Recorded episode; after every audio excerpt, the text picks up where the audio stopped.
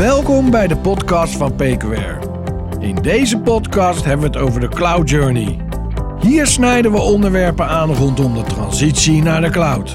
Vanuit de praktijk en door experts van PQR en onze technologiepartners. De podcast voor organisaties die op zoek zijn naar best practices en resultaat voor hun transitie naar de cloud. Welkom bij alweer de achtste podcast van PQR. Deze podcast gaan we het weer hebben over security, maar nu over een heel belangrijk onderdeel, SIEM en SOC. Wat is het en wat kan je daarmee? Hiervoor heb ik twee collega's van mij aan tafel, Berry en Wart. Welkom heren. Dankjewel. Goedemorgen. Wart, jij bent een oude bekende. We hebben al eens een keer een podcast met elkaar opgenomen, dus super superleuk dat je weer aan tafel zit. Leuk hier te zijn. Stel jullie even voor aan de luisteraars. Berry. Zal ik beginnen? Ja. Uh, nou, Barry Rijnbeek. Uh, bij PQ ben ik security officer en teamlead voor een security team. En ik hou me bezig voornamelijk met alleen maar security en ook in SOC uh, met monitoren van klanten. Ja, ja. En security is, is dat, heeft dat altijd je interesse gehad of ben je erin gegroeid? Of hoe zit dat? Ik ben eigenlijk ingegroeid. Uh, ooit okay. begonnen als IT-beheerder. Ja. Uh, zijstapje gemaakt naar wel IT-security. Ja. Ook al een beetje in mijn opleiding. Uh, en op een gegeven moment ook bij een bedrijf terechtkomen, een groot oliemaatschappij, waar ik een SOC mocht opbouwen naar een grote hek. Oké. En daar is mij echt mijn liefde voor security begonnen eigenlijk. Oké, leuk, leuk. Nou, welkom nogmaals. Hi Bart. Goedemorgen. Stel jij even voor aan de luisteraars. Uh, Bart van Heuvel, strategisch IT-architect bij PQR en onderdeel van het CTO-office. Waarbij ik mij binnen het CTO-office richt op onze operate-afdeling, onze managed services afdeling en onze service delivery klant.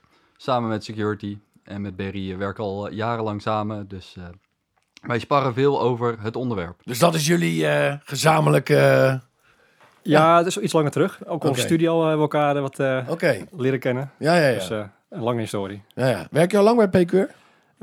zes jaar al bijna. Zes jaar. En jij, Wart, jij werkte? we gaan nu richting negen jaar. Negen jaar alweer. Jeetje, jeetje. Hey, wat ik al aangaf, we gaan het hebben over uh, Siem Sok, Sok Siem. Wat is daar? Wat is, zeg je Siem Sok, Sok Siem? Hoe, hoe, hoe, hoe noem je het eigenlijk? Ja, dat is een mooie het vraagt. Want eigenlijk, uh, SIEM is eigenlijk een, de tool waarmee ja. je monitort. Ja. Uh, Security Event Monitoring ja. is de officiële naam. Uh, en SOC is de dienst. Dus eigenlijk degene die kijkt naar de meldingen ja. en opvolging doet. Ja, ja, ja. ja, ja. Dat is heel simpel, de onderscheid tussen SIEM SOC. Um, er zijn andere termen tegenwoordig ook weer. Dus je hebt ook weer MDR, Managed Detection Response. Ja. Dat is ook hetzelfde als SOC. Ja. Maar in deze podcast gebruiken we gewoon de term SOC. Ja, ja, ja. En is dat ook omdat... Hebben klanten ook een SOC? Of hebben klanten een SIEM? Hoe moet ik dat zien?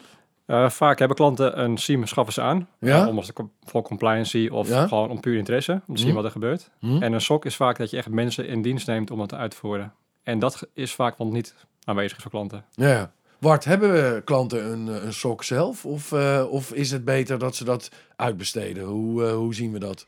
Ja, beter is altijd lastig in te schatten. Het ligt natuurlijk aan het bedrijf, het bedrijf wat het is. Uh, sommige bedrijven zijn groot genoeg of hebben de complexiteit dat ze zelf een security afdeling opbouwen. Ja. En dan zie je vaak dat ze ook een SOC zelf opbouwen. En wat wij bij veel klanten zien is dat het juist lastig is om en goede security mensen te krijgen en ook constant up-to-date te blijven. Maar is die SOC hetzelfde als bij ons, zo'n SOC bij een klant, of is dat heel, heel verschillend? Nee, in principe is dat hetzelfde. Ze, uh, je kan het heel plat gezegd zien als ze kijken een aantal, een aantal mensen kijken naar de schermen en zij houden alle meldingen in de gaten die maar langskomen. En in dit en die geval, komen uit dat SIEM dan? Die komen uit dat SIEM, inderdaad. Ja. En bij een SOC zal je zien dat ze echt gericht op security meldingen zijn. Dus dat ja. is meer dan uh, alleen maar een server in de gaten houden bijvoorbeeld. Ja. Maar je hebt bijvoorbeeld ook een uh, Network Operating Center. Die richten zich echt, een NOC, die richten zich echt op de netwerkmonitoring bijvoorbeeld. Dus het SOC is echt het Security Operating Center. En NOC houdt is een onderdeel van het SOC, of is dat weer wat anders? Nee, dat is wat anders. Dat is echt gericht op alleen maar de netwerkmonitoring. Ja, ja, niet per se ja, de security kant van zaken. Ja, Omdat ja, je ja, toch vaak ziet dat er andere specialisten voor zijn. Ja, ja. Maar uh, um, organisaties of klanten kunnen het ook zelf inrichten. Is dat duur om dat, om dat in te richten? Of uh, waarom, doen organisa waarom doen klanten het wel of waarom doen klanten het niet? Uh, kunnen we daar wat over zeggen? Misschien een beetje dezelfde vraag ook. Ga je IT-beheer uh, uitsourcen ja, of niet? Ja, ja, ja. Um, het is wel duur, SOC. Want het zijn dure mensen vaak. Ja, expertise. Ja, ja. Uh, en je hebt je gewoon fulltime FTA's heb je nodig. Ja, um, precies. En hoeveel FTE's heb je nodig voor een, eh, voor, om een sok in te kunnen richten? Kan je daar wat over zeggen? Het is een beetje afhankelijk van de eis. Eh, of je zegt ik wil 24-7 beschikbaarheid hebben Ja, een ja, sok. ja. Ja, dan heb je wel vier tot zes man minimaal nodig. Ja, ja, ja, ja, ja. Jeetje. Ja, dat is wel... eh, wel Ja. kostenpost aan vast. precies, ja. ja Die- maar Wat je veel ziet is eh, bij de security mensen, ook bij ons intern. Het zijn niet per se mensen die opgeleid zijn in alleen security. Ze moeten begrijpen waar ze naar kijken. Dus Ja. ze moeten ervaring hebben Ja. met infrastructuur, met networking, eh, met firewalls. Je wil gewoon dat zij weten waar ze naar kijken in plaats van dat er een melding komt. En dat ze zeggen, ja, het lampje staat rood, dus daar zal wat aan de hand zijn. ja, ja, Ze moeten ook de impact kunnen bepalen van waarom is het lampje rood en wat betekent dat rode lampje. ja. En dat is dus die ervaring wat Barry zegt. Dat zijn de relatief ervaren mensen die dus duur zijn. En ja, die vraag je wel een eh, heel belangrijke taak op zich te nemen. ja, precies. Als zij een moment niet opletten, dan heb je mogelijk eh, risico wat op. Ja, ja. Maar is het zo dat eh, als je een sok of siem hebt zelf, of je huurt het in, ben je dan gevrijwaard van hacks? Of is dat te simpel gezegd? Dat is te simpel gezegd. Uh. Altijd is nee. Oké. Heel eerlijk Waarom? gezegd nee. eh, omdat ehm, je ziet eh, een aanval zie je nu gebeuren, Ja, maar je voorkomt het niet. oké. Ehm, hoe eerder je het ziet, hoe kleiner de schade uiteindelijk Maar is het niet dan dat jij, je weet, want we hebben het erover gehad in een paar podcasts hiervoor, geloof ik, met Rubrik, dat, er, dat een hacker al 200 dagen in je netwerk aan het rondstruinen is voordat hij daadwerkelijk op enter drukt. Kan je dat voorkomen met een SIEM of SOC? Kijk, dat die oud binnenkomt, kan je niet voorkomen. Maar Ja? die 200 dagen dat iemand binnen is, dat kan je dan wel signaleren. Dus daar kan je voor zorgen dat hij in die 200 dagen die hij normaal nodig heeft om ransomware te activeren, Ja, dat je bij spreken binnen een week iemand ziet, of binnen twee dagen, ja. en dan een probleem oplost al. En wat doe je dan, Bart? In principe zit je dan op je incident, je security incident response Ja, eh, proces. ja, Ehm, als ik één stapje terug nog mag gaan, want inderdaad, eh, we kijken naar vooral het eh, identify en prevent stuk waar we nu Ja. naar kijken. Als we kijken naar het security proces, dan kijken wij naar identify, prevent, detect en respond. ja, ja. Dat zijn onze standaard processtapjes in het geheel. Een SIEM-oplossing die zal ook daarin passen. Een antivirus is een prevent maatregel. Ja, ja, maar kan je de- prevent maatregel. Maar kan je de hacker, als die in je systeem is, kan je die door, en je hebt hem geconstateerd in je SIEM, kan je hem dan boom killen? Tegenwoordig zijn de systemen zo gemaakt dat je inderdaad direct actie kan ondernemen. Ja, Maar wat je veel ziet is dat de menselijke eh, interpretatie, de menselijke impactbepaling, die is even nodig daarvoor. Dus oké, ik zie dat er verdachte eh, verkeer is. ja, Maar het kan ook zomaar zijn dat iemand bezig is met een applicatie-upgrade. Wat dus een logische actie is. ja. En als je dan halverwege zegt, we kappen hem. Ja, dan heb Maar je hoe opeens weet je dat het verdacht verkeer is, eh Barry? Hoe weet je dat? Nou, even een mooi voorbeeld, bijvoorbeeld Bas. Ja? Wij zien bijvoorbeeld dat jij vandaag inlogt vanuit Nederland Ja? en binnen de vijf minuten vanuit eh, Zuid-Afrika. Ja? Dat is voor ons een Ja, verdachte dat, is niet, eh, dat, dat kan niet. Eerst in Nederland en dan binnen vijf minuten, dus dat moet verdacht zijn. Dus we zouden ook heel simpel kunnen zeggen, we gaan jou gewoon blind eh, blokkeren en eh, we bellen je op. Ja? Eh, maar misschien heb jij een VPN openstaan in Zuid-Afrika voor een bepaalde applicatie. Dus in dit geval bellen we jou op, Bas, of via de mail even contact. Maar ja? Wij zien dit gebeuren. Kan jij even verklaren dat jij er bent geweest? Zo ja, eh, prima. Zo nee, dan gaan we jou blokkeren. Maar dat gaan we dus ook. Stel dat een, dat een klant eh, die dienst bij ons afneemt. Dat doen we dus ook voor de klant. Zeker.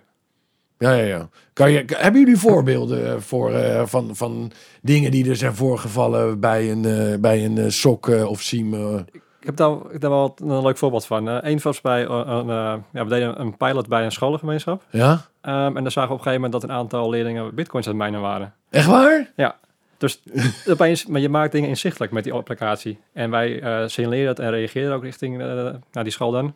Dit zien wij gebeuren. Ons advies zou zijn, deze software verwijderen en deze persoon even aanspreken ook. Maar hoe kwam je daar dan achter dat die bitcoins erbij... Was dat een speciale applicatie of gaf dat een enorme load op je netwerk? Hoe, hoe, hoe, hoe zie je dat? Eh, puur omdat we zien met die eh, security software Ja? dat er verbindingen gemaakt worden naar bepaalde IP-ranges die Ja? gerelateerd zijn aan eh, bitcoin mining. Oké. Hoe je de SIEM-oplossing aan zich kan zien, is dat het eigenlijk een verzamelbak is van allerlei verschillende bronnen. Ja, ja, ja. Dus op het moment dat er iets gebeurt, die informatie die komt ergens langs. Of dat is een firewall, of dat is een authenticatieverzoek, of dat is een applicatielog. Hm. Dat zijn verschillende bronnen die je koppelt. En wat ze in dit geval dus ook hebben gezien, is inderdaad een van de verkeersstromen. Ja, die was niet logisch. En het dure wat veel leeft, dat een SIEM en een SOC dus uiteindelijk duur is, is die detectieregels. Want je moet een keer herkennen dat dit een bitcoin miner is bijvoorbeeld. Ja, ja. Of dat de IP-range waarheen verbonden wordt, een malafide is. Ja. Die stukjes, dat is hetgeen wat veel geld kost. En vroeger moest iedereen dat handmatig doen. Dus dan moest je eerst ontdekken, oh, we hebben een bitcoin miner in onze omgeving staan. Waar verbindt hij heen? Oké, de volgende keer kan ik hem zien. Het is een soort vingerafdruk die je probeert te herkennen. Ja, dus met SIEM wordt het dus... eh, als je geen SIEM hebt, dan moet je het inderdaad, wat je zegt, Wart, allemaal handmatig doen. Dan moet je dus handmatig op je netwerk kijken. Ja, maar eigenlijk is het gewoon begonnen werk. Want zoveel data tegenwoordig dat we hebben en logfiles. Ehm, ja, ik kan bijna niet aan jou vragen, Bas. Ga jij even 20 logfiles naspitten wat op dit minuut gebeurd is? Maar dat werd vroeger wel gedaan. Of is SIEM al heel... eh, Is SIEM al oud? Ja, Ja? eigenlijk wel. Alleen het is nu pas begint te leven bij de maatschappij. En een SIEM van vroeger was heel duur, complex Ja? en maanden implementatietijd. Ja, ja, ja. Ja, wat je ziet, de huidige SIEM-oplossingen zijn cloud-based. eh. Waardoor het schaalbaarder is. Ehm, je krijgt de tekst rules vanuit de leverancier al. Dus je kan nu in een aantal dagen kan je al je SIEM op, op running hebben. Ja, ja. En wat is, wat is moeilijker om in te richten? Je SIEM of je SOC? Ja, je SOC. Je SOC. Ja. Oké. SIEM is heel technisch en tegenwoordig is out of the box al bijna compleet. En je bouwt nog een, zeg maar, 10% bouw je zelf aan regels. Ja? Maar het proces eromheen, dat is- moet echt heel goed zijn. Want elke melding die binnenkomt, moet je serieus gaan behandelen. Barry, misschien een gewetensvraag. Maar als een klant dan nu zegt van oké, eh, een SIEM is tegenwoordig makkelijk. Ik schaf hem aan. Ben ik dan volledig klaar? Want dan heb ik mijn security afgedekt. Ja, goede vraag. Zeker, een goede vraag. Dit beleeft bij heel veel klanten die gedachte wel. Van, ik ben compliant, ik heb voldoen aan een bepaald beleid. Ja? Ehm, maar ja, dan begint het pas eigenlijk. Want wat je ziet, de klanten die zeg maar, een applicatie aanschaffen, komen zoveel meldingen binnen en op een gegeven moment denken ze, nou, het zal allemaal wel goed zijn, ik vink het weg. Ja, Want daar ja. zit het gevaar juist. Want dan ga je dus een, ja, je creëert een, een zwart gat of iets wat je denkt van, nou, ik denk dat het goed is, Maar groene vinkjes, zijn die automatisch goed of moet je die toch controleren? die moet je toch controleren. Oké. Misschien is het wel mooi het verhaal, Barry, van een klant waar jij één keer per jaar werd uitgenodigd om langs te komen. Ja, en een van mijn vorige functies, ehm een van de eerste SIEM-oplossingen, was echt een heel lang traject. Dus er was gewoon een maanden implementatietijd, ehm fine-tuning. En eh één keer per jaar moest ik langskomen daar bij de klant om alle eh, vinkjes weg te werken, zodat de dag daarna de audit eh, kon plaatsvinden. Ja? Zoals ze dachten, hé, hey, dat bedrijf is goed bezig, alle vinkjes zijn weg. Oh. Maar zo werkt een SIEM uiteindelijk natuurlijk niet. Nee, nee, nee, nee. nee. Is een SIEM, Wart, is dat onderdeel van je outsourcing of kan je het ook los? Wat je meestal ziet is dat een eerste stap is om security te verbeteren. Ja, ja, ja. Ehm, we hebben heel veel aanvragen van onze klanten die zeggen wij hebben zelf beheerders intern zitten met security kennis. Wij lossen dit op. Ja, Dus geef ons alleen de tools eigenlijk om het uit te voeren. ja, ja. Vervolgens ga je de vragen stellen, oké, eh, wie gaat er midden in de nacht, wie wordt er wakker gebeld om het datacenter plat te gooien, want er is een ransomware aanval. Ja, Ja, precies. die personen zijn er dan niet. Er is niemand die midden in de nacht naar het scherm kijkt. Er is misschien één eh, fabeltje wat we de wereld uit moeten helpen, maar ook hackers die werken 24-7. Het is niet dat ze alleen eh, in kantoortijden denken van we gaan nu even proberen in Nee, te ik kan me voorstellen dat dat, dat, dat s'nachts gebeurt, toch? Het, het gaat de hele dag door. Eh de jongens zitten ook 24-7, hebben ze de schermen in de gaten en houden we de omgevingen van onze klanten in de gaten. Ja, Dus je ziet vaak dat het begint met één simpele vraag: kan je iets mijn security helpen verbeteren? ja, ja. ja. Al is het maar de tools. ja. Nou, dan komt de kennis erbij. En vervolgens zul je zien dat het vaak onderdeel wordt van het hele outsourcing en managed services stuk. Ja, ja, maar je weet, we hadden het net over logfiles en over die SIEM die dat automatisch. Is er ook een verband met logfiles te leggen? Dat bijvoorbeeld een, een NOC, dat netwerk operating systeem, daar zitten ook logfiles in. En logfiles in de, in de, in de SIEM en in de, in de security. Kan je daar verbanden mee leggen? Of is, staat dat los van elkaar? Nee, zeker. Dat is ook de kracht van een SIEM. Dat Oké. je dus logfiles met elkaar gaat correleren. Ja, ja, ja, ja. Want van spreken, als je ziet bijvoorbeeld op jouw Exchange server dat er nu daar iets raars gebeurt. Ja, En daarna ook op jouw logfiles van Active Directory en van spreken je firewall. ja. Die drie ga je samenvoegen en daar creëer je een heel pad. Wat is er gebeurd? Dus voor forensisch onderzoek kan je eenvoudig uitvoeren ook. Ja, ja, ja, ja, ja. Een van de grootste uitdagingen vroeger. eh, sommige mensen zullen Splunk bijvoorbeeld wel kennen als product. Dat is een verzamelbak van Nou, dat data. is heel oud, hè? Dat is best wel een, een oude, oude oplossing. Nou, niet dat het oud is, maar het is het wel... bestaat al lang. Precies, het bestaat bestaat al lang. Eh, het is een En- heel goed product. Ja. Ehm, heel duur. Ja, Je kan echt enorm veel mee. Alleen Ja. is heel veel handwerk, maatwerk. ja, ja, ja. ja. Maatwerk door de klant zelf of door de leverancier? De klant zelf. Oké. Het begon vroeger met, nou, dan hebben we Splunk, want daar gaan we alle data verzamelen. Mhm. Kunnen we correlaties leggen. Mhm. En in dat ge- eh, vroeger was het vooral nog op monitoring en beheer gericht. Dus we hebben daar een probleem gehad op die switch of die server. En overrek, ik zie dat dat zo door de omgeving heen loopt. Vervolgens kwam de security vraagstukken. Nou ja, als we het al voor onze basismonitoring eigenlijk doen, voor onze netwerkverkeer, goh, zullen we daar dan ook het security laagje op leggen? Autorisaties, eh firewall regels, et cetera. En stapel zo meer informatie op die verzamelbak. Ja.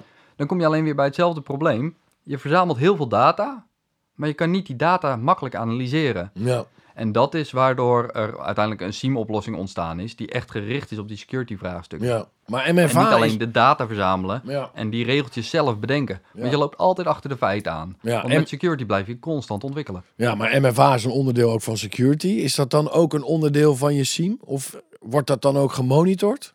Eh, nee, het is helemaal los van. Oké. MFA is een beveiligingsmaatregel, dus een prevent oplossing. Ja, ja, maar ik zit dus in Nederland en je zei net, ik ben eh, over vijf, eh, vijf minuten later word ik ingelogd in Zuid-Afrika. Heeft dat dan geen verband, die MFA met elkaar, of staat, staat het helemaal los? Los van. Uiteindelijk is MFA een authenticatie methode. Ja, ja, ja, ja. Of nou een wachtwoord gebruikt of MFA. Ja, Voor ons maakt dat niet uit. Wij zien een authenticatie die slaagt of mislukt. ja, ja, ja, ja. En dus dan krijg je een alert. Maar wat ik wel heel opmerkelijk vind, is wat je zegt. Je moet dus, stel dat een logfile 1000 logs heeft, waarvan er eh 900 groen zijn en, eh, en eh, 100 rood. Maar je moet toch die groene nakijken. Wat een werk heb je dan daaraan? Ja, maar dat is ook de, wat wij op het SOC doen. Dus Ja? continu dat bezig met fine-tunen. Dat Ja? wij alleen de meldingen zichtbaar krijgen die ook relevant zijn. Oké. Dus door continu het systeem aan te passen, eh, bij te leren, zorg je dat je alleen de meldingen krijgt die echt relevant zijn. Ja, is het zelflerend, Siem, eh, eh, Wart? Of, eh, Het is semi-zelflerend. Eh, je zou in een hele leuke discussie over artificial intelligence Ja, kunnen gaan starten precies. en machine learning. Ja, ja, ja. Ehm, toevallig twee jaar geleden, net voor corona, nog bij Gartner in Londen geweest. En daar was een heel stuk over artificial intelligence en machine learning in producten al geheel. En daar zie je dat het toch vaak rule-based is. Dus dat Ja. betekent, eh, we bedenken een detectieregel en dat is de computer die het herkent. Ja, ja, ja. Het echt daadwerkelijk zelflerende effect komt langzaamaan in de markt, maar is nog echt wel zeer complex.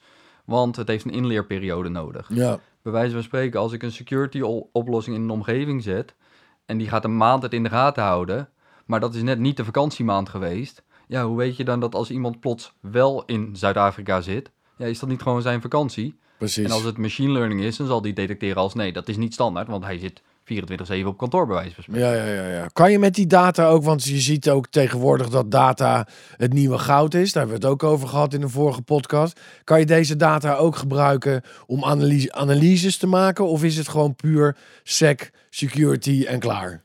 Het is puur sec security, maar je kan wel bepaalde trends zien. Bijvoorbeeld wat bepaalde gebruikers gebruiken ook. Eh er worden tools gebruikt die je niet wil in je netwerk. Hm? Daar kan je wel op reageren als, eh, ja, als bedrijf. Ja, ja, ja, ja. Het is uiteindelijk altijd het inzicht verkrijgen. Je wil weten wat er in jouw omgeving gebeurt. En afhankelijk van het, de kant waarvandaan je kijkt, kan een applicatiebeheerder zal bijvoorbeeld willen weten hoe vaak zijn applicatie gebruikt wordt. In verband met licenties die afgedragen moeten worden. Een netwerkbeheerder zal willen weten hoeveel bandbreedte er over zijn netwerk heen gaat. Een securitybeheerder die zal willen weten wat voor security events er zijn, wat voor gemiste autorisaties er zijn. ja, ja, ja. Dus het is vooral, die data is heel waardevol. Monitoring is bij ons ook een van de belangrijkste dingen die, waarmee wij beginnen bij een managed services dienst. ja, En dat is reguliere monitoring, niet eens security monitoring. Dat is alleen maar omdat je dan zicht krijgt op waar je voor verantwoordelijk bent en wat je dus veilig moet houden, wat je up en running moet houden, Ja, ja, ja. wat je levend moet houden. ja. Hey, ik kan me voorstellen dat er een luisteraar nu denkt van ja, wel leuk. Siem, SOC uitbesteden aan PQR. Maar wat doen jullie met onze data? Hoe zit dat? Ehm, de data wordt opgeslagen in de cloud Ja, binnen Europa. ja. Dat is gewoon één harde eis voor ons geweest. En de klant heeft ook zelf inzichtelijk in de data. Oké, wij geven maar- zelf toegang, omdat ook de, dus de data van de klant in principe vinden wij ook. Ja, ja, maar hij is de enige die erbij kan. Of, eh, of eh, En onze SOC-medewerkers. ja, ja, ja, ja. En wat wij doen, wij eh, rapporteren elke maand naar de CISO of naar de IT-manager. Ja, En die kan daar zijn beleid weer op aansturen. precies. Ja, ja, ja. Ja, echt. ja, e- ik denk dat als, als je. Ben je als organisatie. heb je dan. Ja, hoe zeg je dat het, eh, het beste? Ehm, loop je eh, achter de feiten aan als je geen SIEM of SOC hebt? Ook al heb je het ingehuurd? Ik denk dat je er niet achteraan loopt, maar je zal altijd achteraan lopen. Want security blijft constant ontwikkelen en letterlijk de zero-day attack zogenaamd die er zijn, die heeft iemand ontwikkeld. Ja. Ja. totdat iemand dat patroon heeft herkend, eh, weet hoe die dat kan detecteren, dan kan je pas weer bijkomen. Dus op security loop je eigenlijk altijd achteraan. En je Maar waar die organisaties waar die hacks zijn geweest, die hadden dus geen SIEM of SOC. Of kan, Nou, of kan je dat niet zo eh 1, 2, 3 zeggen? Er is wel een mooi, mooi voorbeeld geweest. We noemen even een universiteit uit het zuiden van het land. Die Ja. heeft een heel mooi rapport ook over geschreven. Ja, ja, ja. Eh, die hebben een SIEM-oplossing Ja. gehad. Alleen er zijn een aantal meldingen geweest die ze niet tijdig hebben opgevolgd. Ik wil niet zeggen dat ze het ooit hadden kunnen voorkomen, die ransomware. Maar er had een indicatie kunnen zijn dat je al het probleem had kunnen voorkomen voor het groter wordt. Oké. Dus, Het alleen een SIEM hebben is geen oplossing. Een SIEM hebben met een SOC erbij, dat kan een zichtbaarheid creëren die je mogelijk kan helpen voor de toekomst. ja, Je, je hebt die kennis nodig om die berichten te, eh, te interpreteren. ja. En zelfs goede security mensen zullen een keer gechallenged worden van... Hey, is dit wel daadwerkelijk een issue? ja, ja. Daar zal dan een andere collega bij getrokken worden. Er zal nog een andere partij eventueel bij betrokken worden. Je moet altijd ja, scherp zijn op wat het is, wat Barry ook aangeeft. Eh, bij dat voorbeeld, er zijn een aantal stappen geweest die ervoor hebben gezorgd dat het een trigger had kunnen zijn. Als je die individueel had bekeken, had je misschien kunnen zeggen: Jantje heeft ingelogd vanuit Zuid-Afrika. Nou, dat is helemaal goed gegaan. Oh, de volgende stap is: dat is gek, hij loopt door naar een tweede server in het netwerk. Dat hadden we niet verwacht. ja. Los van elkaar zijn dat geen rare situaties. Het hele plaatje vormen en dus ook De begrijpen wat de impact is, de hele keten, die zorgt ervoor dat je eh, het identificeert als security issue. Ja, kan je als klant, eh, stel je hebt als klant een SIEM, maar je hebt geen SOC. Kan je dan bij wijze van spreken SIEM loszien van SOC en dan SOC bij wijze van spreken eh, eh, afnemen bij een leverancier? Wat je, je, ik denk dat je de mooie vergelijking kunt maken met een beveiligingssysteem thuis. Ja, Je kan een beveiligingssysteem thuis installeren. ja precies. Dan ben je veilig voor je gevoel. Ja, Als je hem alleen niet aanzet, Ja, ja, dan heb je hem wel, maar je hebt er niks aan. Goed ja, ja, ja, ja. ja, ja.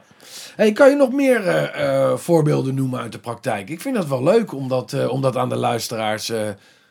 Jazeker, want eh, een ander voorbeeld is bij een, een eh, lokale gemeente. ja, Ehm, die zijn ook een pilot gestart. Van, nou, laat maar zien wat die tool kan en wat levert het ons op. ja, Nou ja, binnen een dag eigenlijk zagen we dat een aantal PC's, die ze bij de Bali PC's noemen even, ja, dus waar mensen langskomen en ook hun paspoortgegevens laten invullen, ja.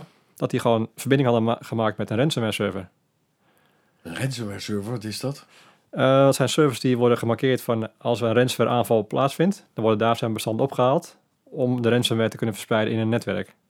Dus die waren al onderdeel van een soort ransomware netwerk geworden. Dus iemand had een mailtje geopend, waarschijnlijk op een pc die niet van hem was. En oh, moet ik dat zo zien? En in dat mail zit een link, daar wordt een bestandje gedownload. Dat Ja. bestandje op zichzelf is niet gevaarlijk. Maar als die geactiveerd wordt, haalt hij wel de gevaarlijke bestanden op vanaf internet. Ja, En gaat dan op een gegeven moment verspreiden. Dus we zagen op die PC's dat daar gewoon verbinding werd gemaakt naar servers die bekend staan als ehm, gevaarlijk. ja. Ja, dat is een indicatie voor ons. Die systemen moeten nu van netwerk af. Voordat de ransomware echt geactiveerd gaat worden. ja. En wat doe je dan? Eh, Activeer je dat vanuit het SIEM? Of eh, hoe, ga je dan, hoe ga je dan verder? Oh, op dit moment hebben wij gewoon, op dat moment hebben wij gewoon direct de klant gebeld. Ja? De CISO, van dit zien wij gebeuren. En die zegt dat systemen gaan nu van internet af. Ehm, ze moeten opnieuw ingespoeld worden. Want voor het geval het fout gaat, moet het gewoon opgelost worden. Ja? En die klant had dat niet gezien? Nee, want je hebt de tools niet voor. Oh, zij hadden geen SIEM zelf? Ja, dit was een proof of concept eh, scenario. Dus we waren net begonnen met die uitrol en dit was binnen de eerste uren was dit ontdekt. Oké, dus we hebben binnen een uur hadden we al de meerwaarde aangetoond van deze oplossing. Dus eh, Zeker. Ja, ja, ja, Mocht de ja. ransomware mis zijn gegaan, dan lag opeens eh, de balie van de gemeente eruit. En ja, dat is wel waar de mensen langskomen uiteindelijk bij een gemeente. Ja, precies, precies. Misschien nog wel een andere mooie waar ik aan zit te denken. Eh, dit is een beetje uit de historie. eh Barry en ik hebben ook een security product zijn we wezen ontwikkelen onder 5E was dat destijds. Een bedrijf van PQR.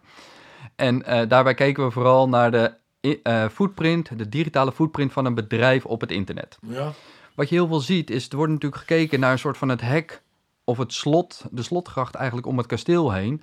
Want we kijken naar de buitenkant van, de, eh, van het bedrijf. Het datacenter moet veilig zijn, de werkplekken moeten veilig zijn. Maar ja, als iemand met informatie naar buiten is gelopen en die loop, eh, is buiten aan het roepen van kijk eens wat voor informatie ik weet van het bedrijf. Allerlei soorten informatie, gewoon datadragers, maar ook gewoon de informatie die je weet van iemand. Er was, eh, we hebben een tool ontwikkeld waarbij we dus konden kijken op het internet wat voor informatie bekend was van een bedrijf. En toen kwamen we erachter dat bij een van die bedrijven stond informatie op het zogenaamde dark web. Dus dat is echt, er is een reden dat die informatie daar staat. Iemand heeft of iets van informatie losgehaald. En dat is daarom eh, eh, bekend geworden. Nou, op het dark web wordt meestal niet eh, recepten voor bakken uitgedeeld. dus waarschijnlijk zijn ze toch echt wel met wat serieus bezig geweest. Dan was al een aanleiding. adressenbestanden of zo? Of eh, creditcardgegevens? eh, Het kan allerlei soorten Ja. data zijn. Je, Ja. je kan je voorstellen dat voor een zorgbedrijf of voor een zorginstelling is dat patiëntendata. Ja. Voor financiële instellingen is dat rekeningnummers, bij wijze van spreken. Dus dat ligt maar net aan waar de waarde zit van, van dat bedrijf. En je ziet dat met dat soort tools en dat soort inzichten word je opeens een stuk wijzer van hoe interessant is mijn bedrijf om gehackt te gaan worden. Want uiteindelijk zullen de hackers ook kijken wat een bedrijf is met een soort van lage of een lage inschatting dat ze niet veel tijd kost om toegang te krijgen. Want dat is eh, snel geld verdienen, bij wijze van spreken. Ja, maar het is inderdaad, hè, Barry, eh, hoe interessant is een bedrijf? Is een bedrijf interessant als er duizend mensen... We hebben het er al wel in een eerdere podcast over gehad, maar hoe kijk jij daar tegenaan? Hoe interessant is een bedrijf om, om gehackt te worden? Dat is wel heel lastig, want vaak, wat je zegt, wat Bart ook eerder zegt, ze gaan kijken naar bedrijven die is gewoon heel makkelijk eh, te hacken zijn. Dus waar informatie op internet al klaar ligt. Ja, Dat is gewoon een makkelijke stap. ja, Uh, maar heb je ook aanvallen die gericht zijn op bepaalde sectoren. Nou, wat je ziet afgelopen jaar is zeker de zorgsector is eh meermalen aangevallen ook. ja. Omdat daar echt wel heel veel, eh, die ook met, met coronatijd, een makkelijk aanval kan doen met een phishing mail. Ehm, en zo zie je ook bijvoorbeeld dat eh, bedrijven die zeg maar, op internet heel actief zijn, meer aangevallen worden dan bedrijven die lijken op spreken een bakken. Ja, we hebben heel veel informatie voorbij horen komen in deze podcast. Maar hoe implementeer je nou een SIEM binnen een SOC? Ik zal even het proces vertellen hoe het bij ons gaat als wij zeg maar, een klant onboarden. Ja. Ehm, wij eh, beginnen met natuurlijk een intakegesprek om te bepalen wat voor systeem heeft de klant. Ja, Eh, welke systemen zijn belangrijk voor de klant. En die gaan we ook zorgen dat die logfiles binnenkrijgen in onze SIEM. ja, Eh, dat is stap 1. Dus het uitrollen van de SIEM-applicatie. Ehm, het uitrollen van alle agents op alle systemen, zodat we ook zichtbaarheid krijgen op alle systemen en de endpoints. Oké, dus alle componenten die je monitort krijgen allemaal een agent. Geïmplementeerd. Bijna, bijna allemaal. Oké, bepaalde, een firewall kan je geen agent installeren. Dus daar ga je de logs eruit halen. Oké, dus dat, moet je dat handmatig doen of wordt het automatisch gedaan? Eh, je maakt een configuratie aan op die firewall, die alle Ja. logs doorstuurt automatisch naar onze SIEM collector. Oké, oké. En die analyseert de logfiles weer en stuurt de relevante informatie door naar de cloud toe. Ja, ja, ja. Zodat je ook niet een hele datastroom naar buiten krijgt, alleen de nuttige informatie wordt gedeeld naar de cloud toe. Oké. Oké, je hebt dus geïnstalleerd. Die, eh, die, eh, die, het? Die agents. Op een gegeven moment hebben we alles, ehm, alle logfiles hebben we zeg maar, geconfigureerd die naar ons systeem toe komen, die wij relevant vinden. En Ja. klant ook. Ehm, dan hebben we twee weken de tijd dat het systeem bezig is met het machine learning. Om te bepalen wat is normaal gedrag. Hm? Dus bijvoorbeeld Bas, jij werkt altijd op systeem ehm, nummer 10. Hm? Dan weet op een gegeven moment het systeem ook, jij werkt nummer 10. Als jij Ja, op ja. ons systeem inlogt, is het afwijkend gedrag. Ja, ja, Dus we hebben twee weken de tijd om te fine-tunen en de machine learning uit te voeren. Ja, En dan komen we op een gegeven moment in week 4 uit. Dan beginnen we met de monitoring te starten. Oké. Dus dan beginnen we actief eh, alle meldingen die binnenkomen op te volgen van ons team. Ja. En in week 8 eh, wordt een rapportage gemaakt over de afgelopen maand. Oké, dus je pakt dan een, een, in een vierwekelijkse periode krijgen ze een rapportage. Ja. Vier weken. En die rapportage is puur bedoeld om te laten zien van meldingen die niet kritiek waren, maar wel geanalyseerd zijn. En ook bepaalde trends te zien in de data. En ook te discussiëren met IT-manager, dit zien wij gebeuren. En misschien moet je voor de toekomst hierin gaan investeren. Proactief. Ja. Ja, ja, ja. Maar het is inderdaad, eh, ehm, we hebben het net ook al even kort aange- aangehaald, eh Wart. Is het nou handig om het onderdeel te maken van je beheer? Of, eh, of, of, of zeg je van het kan allebei los van elkaar staan? Uiteindelijk heb je een, vooral een kennisvraagstuk. Ja, Eh, security is gewoon specialistische kennis. ja, Als je kijkt in onze organisatie, nou, Barry is de security team lead. ja, Er is een aparte entiteit voor die security in de gaten houdt. ja, ja. Je ziet dat ze veel samen moeten werken met beheer om dingen opgelost te Ja, krijgen. ja. Beheer heeft de kennis van de applicatie, van de servers, van de netwerkomgeving. En zij kunnen snel zeggen tegen het security team: Oh, jij zegt dat hier iets gebeurt, zo kan ik het oplossen. Ja. Zij hebben de productkennis ook. Ja, ja, ja. Het security team heeft een signalerende functie, het beheerteam heeft een oplossende functie eigenlijk. Ja, ja, ja. Dus het is complementair aan Ja. elkaar. 100%. Ja, ja, ja. Ja, het moet een samenwerking zijn, anders dan werkt het ook niet, het hele proces. Nee, nee. Maar kan een security officer ook in het beheerteam zitten? Of is het allebei echt los van elkaar? Eh hangt een beetje van de organisatie af, maar het liefst Mhm. word je het los daarvan. Omdat Ja, je als ja. security officer meer met beleid bezig bent dan met de Ja, uitvoering. Ik kan me voorstellen dat een kleinere organisatie dat het wel, dat het wel in één is. En dat een wat grotere organisatie het apart heeft. Zeker. Ja, ja. Nou, het is ontzettend veel nuttige informatie eh, is er naar boven gekomen bij deze podcast. Dank daarvoor. Als laatste onderdeel zou ik jullie graag willen vragen. Hebben jullie voor de luisteraars ook een tip? Wart.